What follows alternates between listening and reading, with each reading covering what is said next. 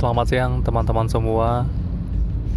Apa kabarnya hari ini? Semoga semua masih dalam kondisi yang sangat-sangat sehat dan masih rajin berolahraga ya, supaya kita bisa melewati kondisi pandemi sekarang ini ya dan ya semakin banyak kabar positif yang bisa kita dengar terkait dengan pandemi ini ya misalkan kayak vaksin dan mungkin yang terbaru adalah obat uh, untuk untuk COVID ini gitu ya. Uh, ya itu merupakan kabar-kabar positif.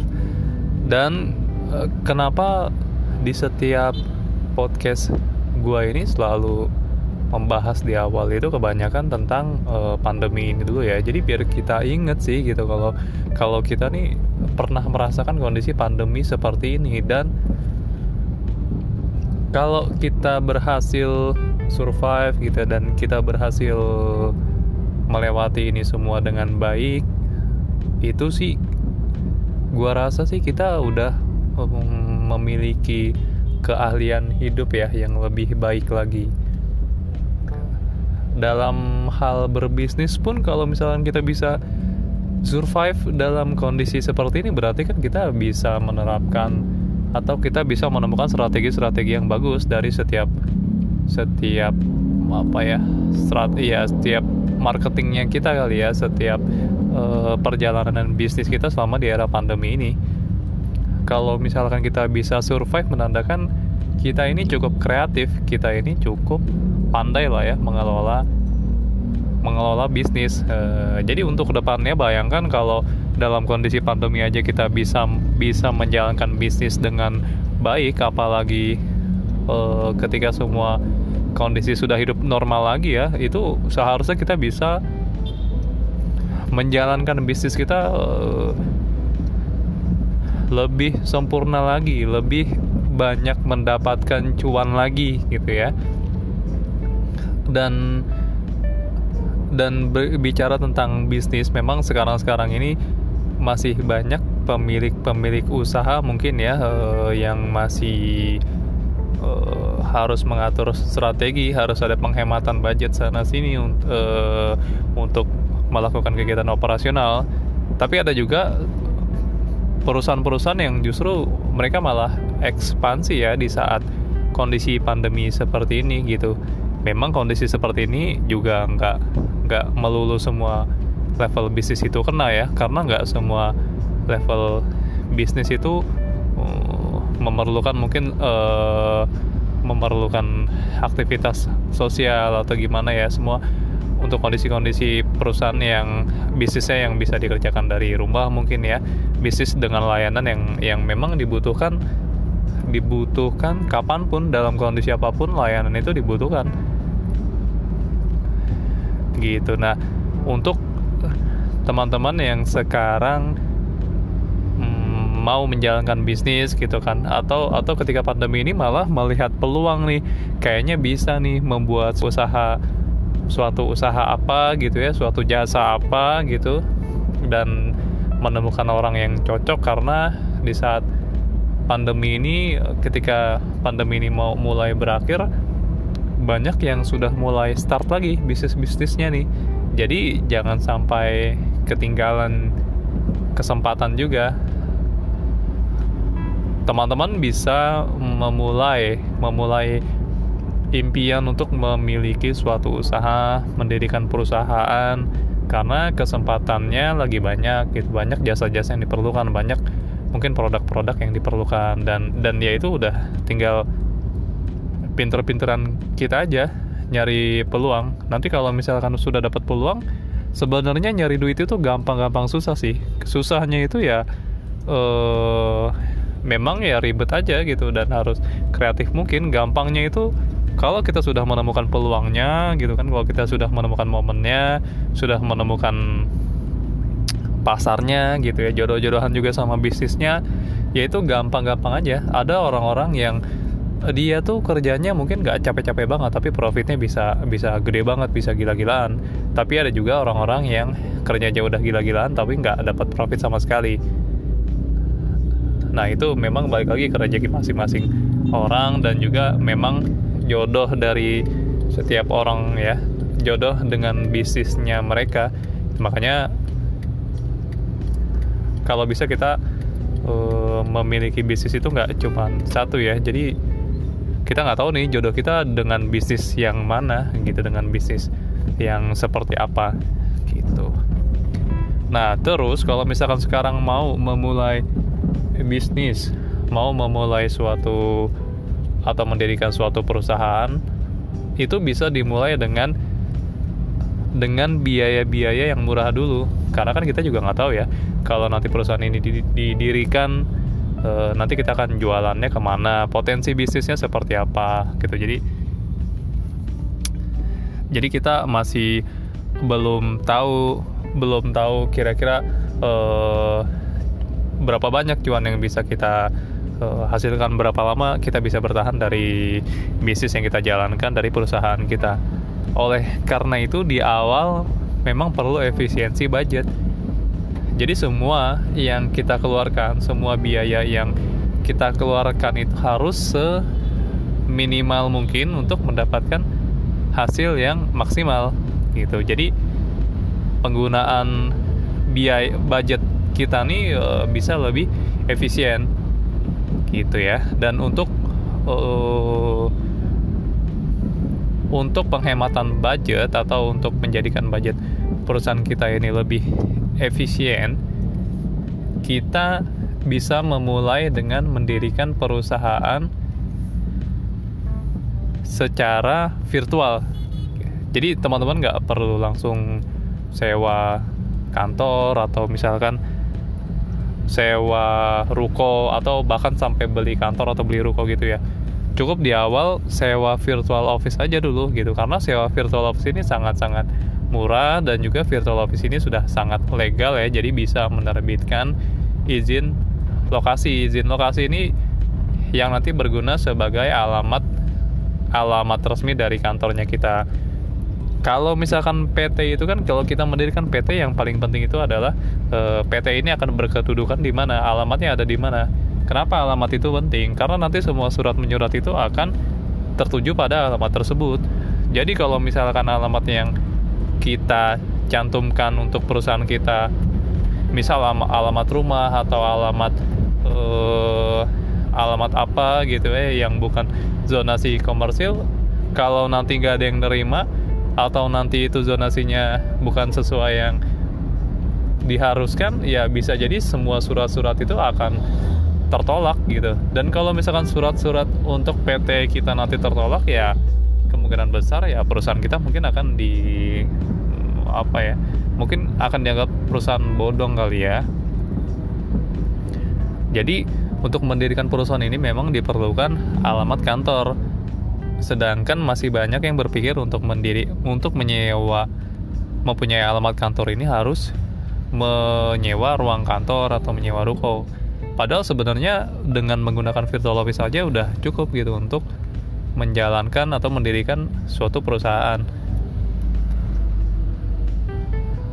Gitu ya. Jadi penggunaan virtual office ini sebenarnya banyak juga keuntungan yang bisa kita dapat.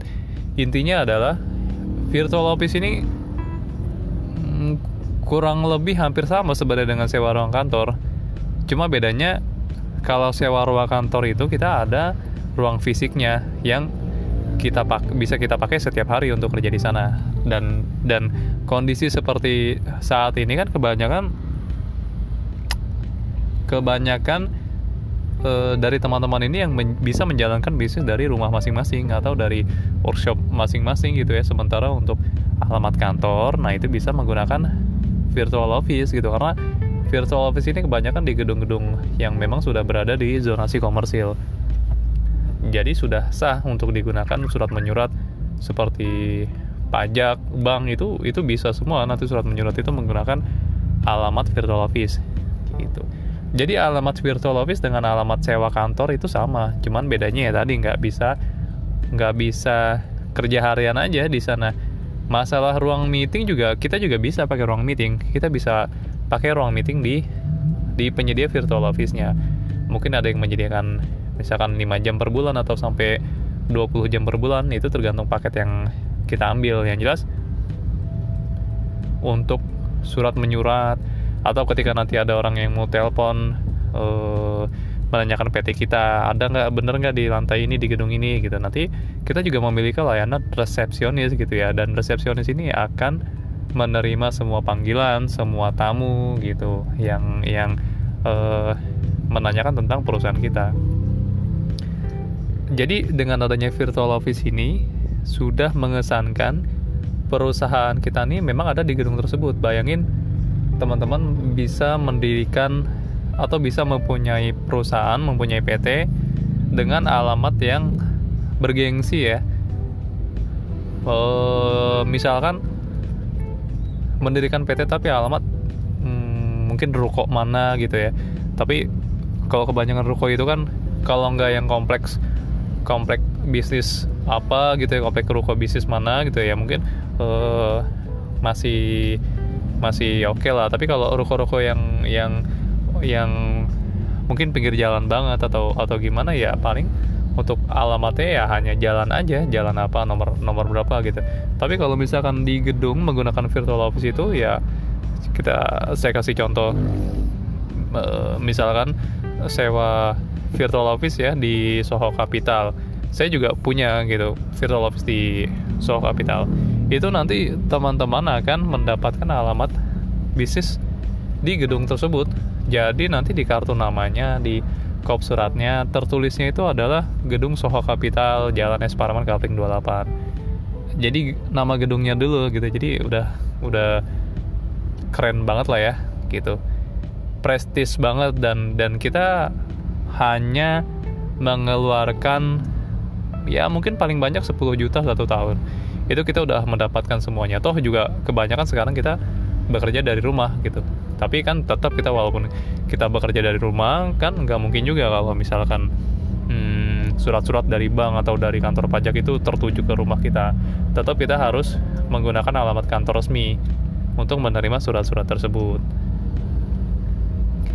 gitu kemudian salah satu keuntungan lainnya dengan menggunakan virtual office ini adalah kita bisa mengajukan PKP. PKP ini adalah pengusaha kena pajak. Jadi kalau kita menjadi PT yang sudah PKP itu nanti kita bisa berbisnis dengan lawan main bisnis kita yang yang yang membutuhkan faktur pajak. Jadi kan sekarang banyak ya jual beli jual beli gitu, jual beli produk atau jual beli jasa mungkin ya lawan bisnis kita ini membutuhkan faktur pajak dari kita. Jadi sayang banget kan kalau kita misalkan tidak bisa menerbitkan faktur pajak untuk lawan bisnis kita. Jadi ya mungkin lawan bisnis kita ini akan beralih ke vendor mereka yang lain gitu. Dan enaknya untuk menjadi PKP ini se sekarang sudah bisa menggunakan virtual office. Tapi balik lagi ke penyedia virtual office-nya dulu. Penyedia virtual office ini sudah PKP atau belum? Kalau yang saya punya kita sudah PKP. Jadi jadi menggunakan virtual office-nya tuh sudah bisa untuk proses pengurusan uh, eh, PKP gitu. Jadi benar-benar simpel banget dan murah banget. Sudah bisa mendirikan perusahaan uh, yang beralamat di gedung strategis ya, lokasi bergengsi bahkan bisa mengajukan untuk PKP gitu. Itu apa ya? Keuntungannya tuh double banget dari menggunakan virtual office gitu ya jadi untuk penghematan di awal kita bisa menggunakan virtual office oke kalau misalkan ke depannya uh, syukur-syukur ternyata bisnis yang kita jalankan ini hmm, sukses nih gitu kan barulah kita bisa sewa ruang kantor nah biasanya penyedia virtual office ini juga menyediakan ruang kantor. Ruang kantornya ini ruang kantor siap pakai gitu yang bisa dibayar setiap bulan. Jadi kalau misalkan udah expand terus sekiranya butuh 3 sampai 4 orang yang untuk mengurusi di kantor gitu untuk jadi admin itu nanti bisa menyewa ruang kantor yang disediakan si penyedia virtual office juga. Gitu. Jadi gitu ya kurang lebihnya di kondisi seperti ini memang setiap pelaku bisnis ini harus mementingkan efisiensi budget dan salah satu efisiensi budget yang bisa kita lakukan adalah uh, ketika di awal yaitu ya mendirikan perusahaan ini cukup dengan virtual office aja dulu. Kemudian setelah berkembang baru kita bisa sewa ruang kantor. Gitu ya. Nanti kalau misalkan kita bisa hemat budget di awal ini budget yang lainnya ini kita alokasikan untuk marketing khususnya mungkin digital marketing ya. Jadi bisa lebih lebih dapat banyak jualannya dulu dibandingkan hmm, operasionalnya. Jadi biar nggak besar pasak daripada tiang gitu ya dari awalnya ya. Jadi udah bener-bener kita kalau bisa udah dapat profit yang banyak dulu sedangkan biaya operasionalnya tuh sedikit. Dan itu bisa didapatkan dengan menyewa virtual office menyewa layanan virtual office. Gitu ya. Kurang lebihnya kayak gitu. Kalau misalkan dari mungkin dari teman-teman ada yang mau tanya ya bisa cek di Instagram ya @abduljamaludin itu nanti hmm, bisa silakan tanya-tanya untuk yang mau konsultasi apa itu virtual office, bagaimana mendirikan perusahaan dengan virtual office, keuntungannya, syarat-syaratnya seperti apa, itu bisa di bisa ditanyakan melalui Instagram tersebut dan dan gratis untuk konsultasi bisnis yang lainnya. Semoga bisa dibantu juga. Oke, sampai jumpa di podcast podcast selanjutnya yang semoga banyak banyak materi-materi menarik yang bisa di-share untuk teman-teman dan semoga berguna. Baik, uh, sampai jumpa. Uh, see you next time. Thank you.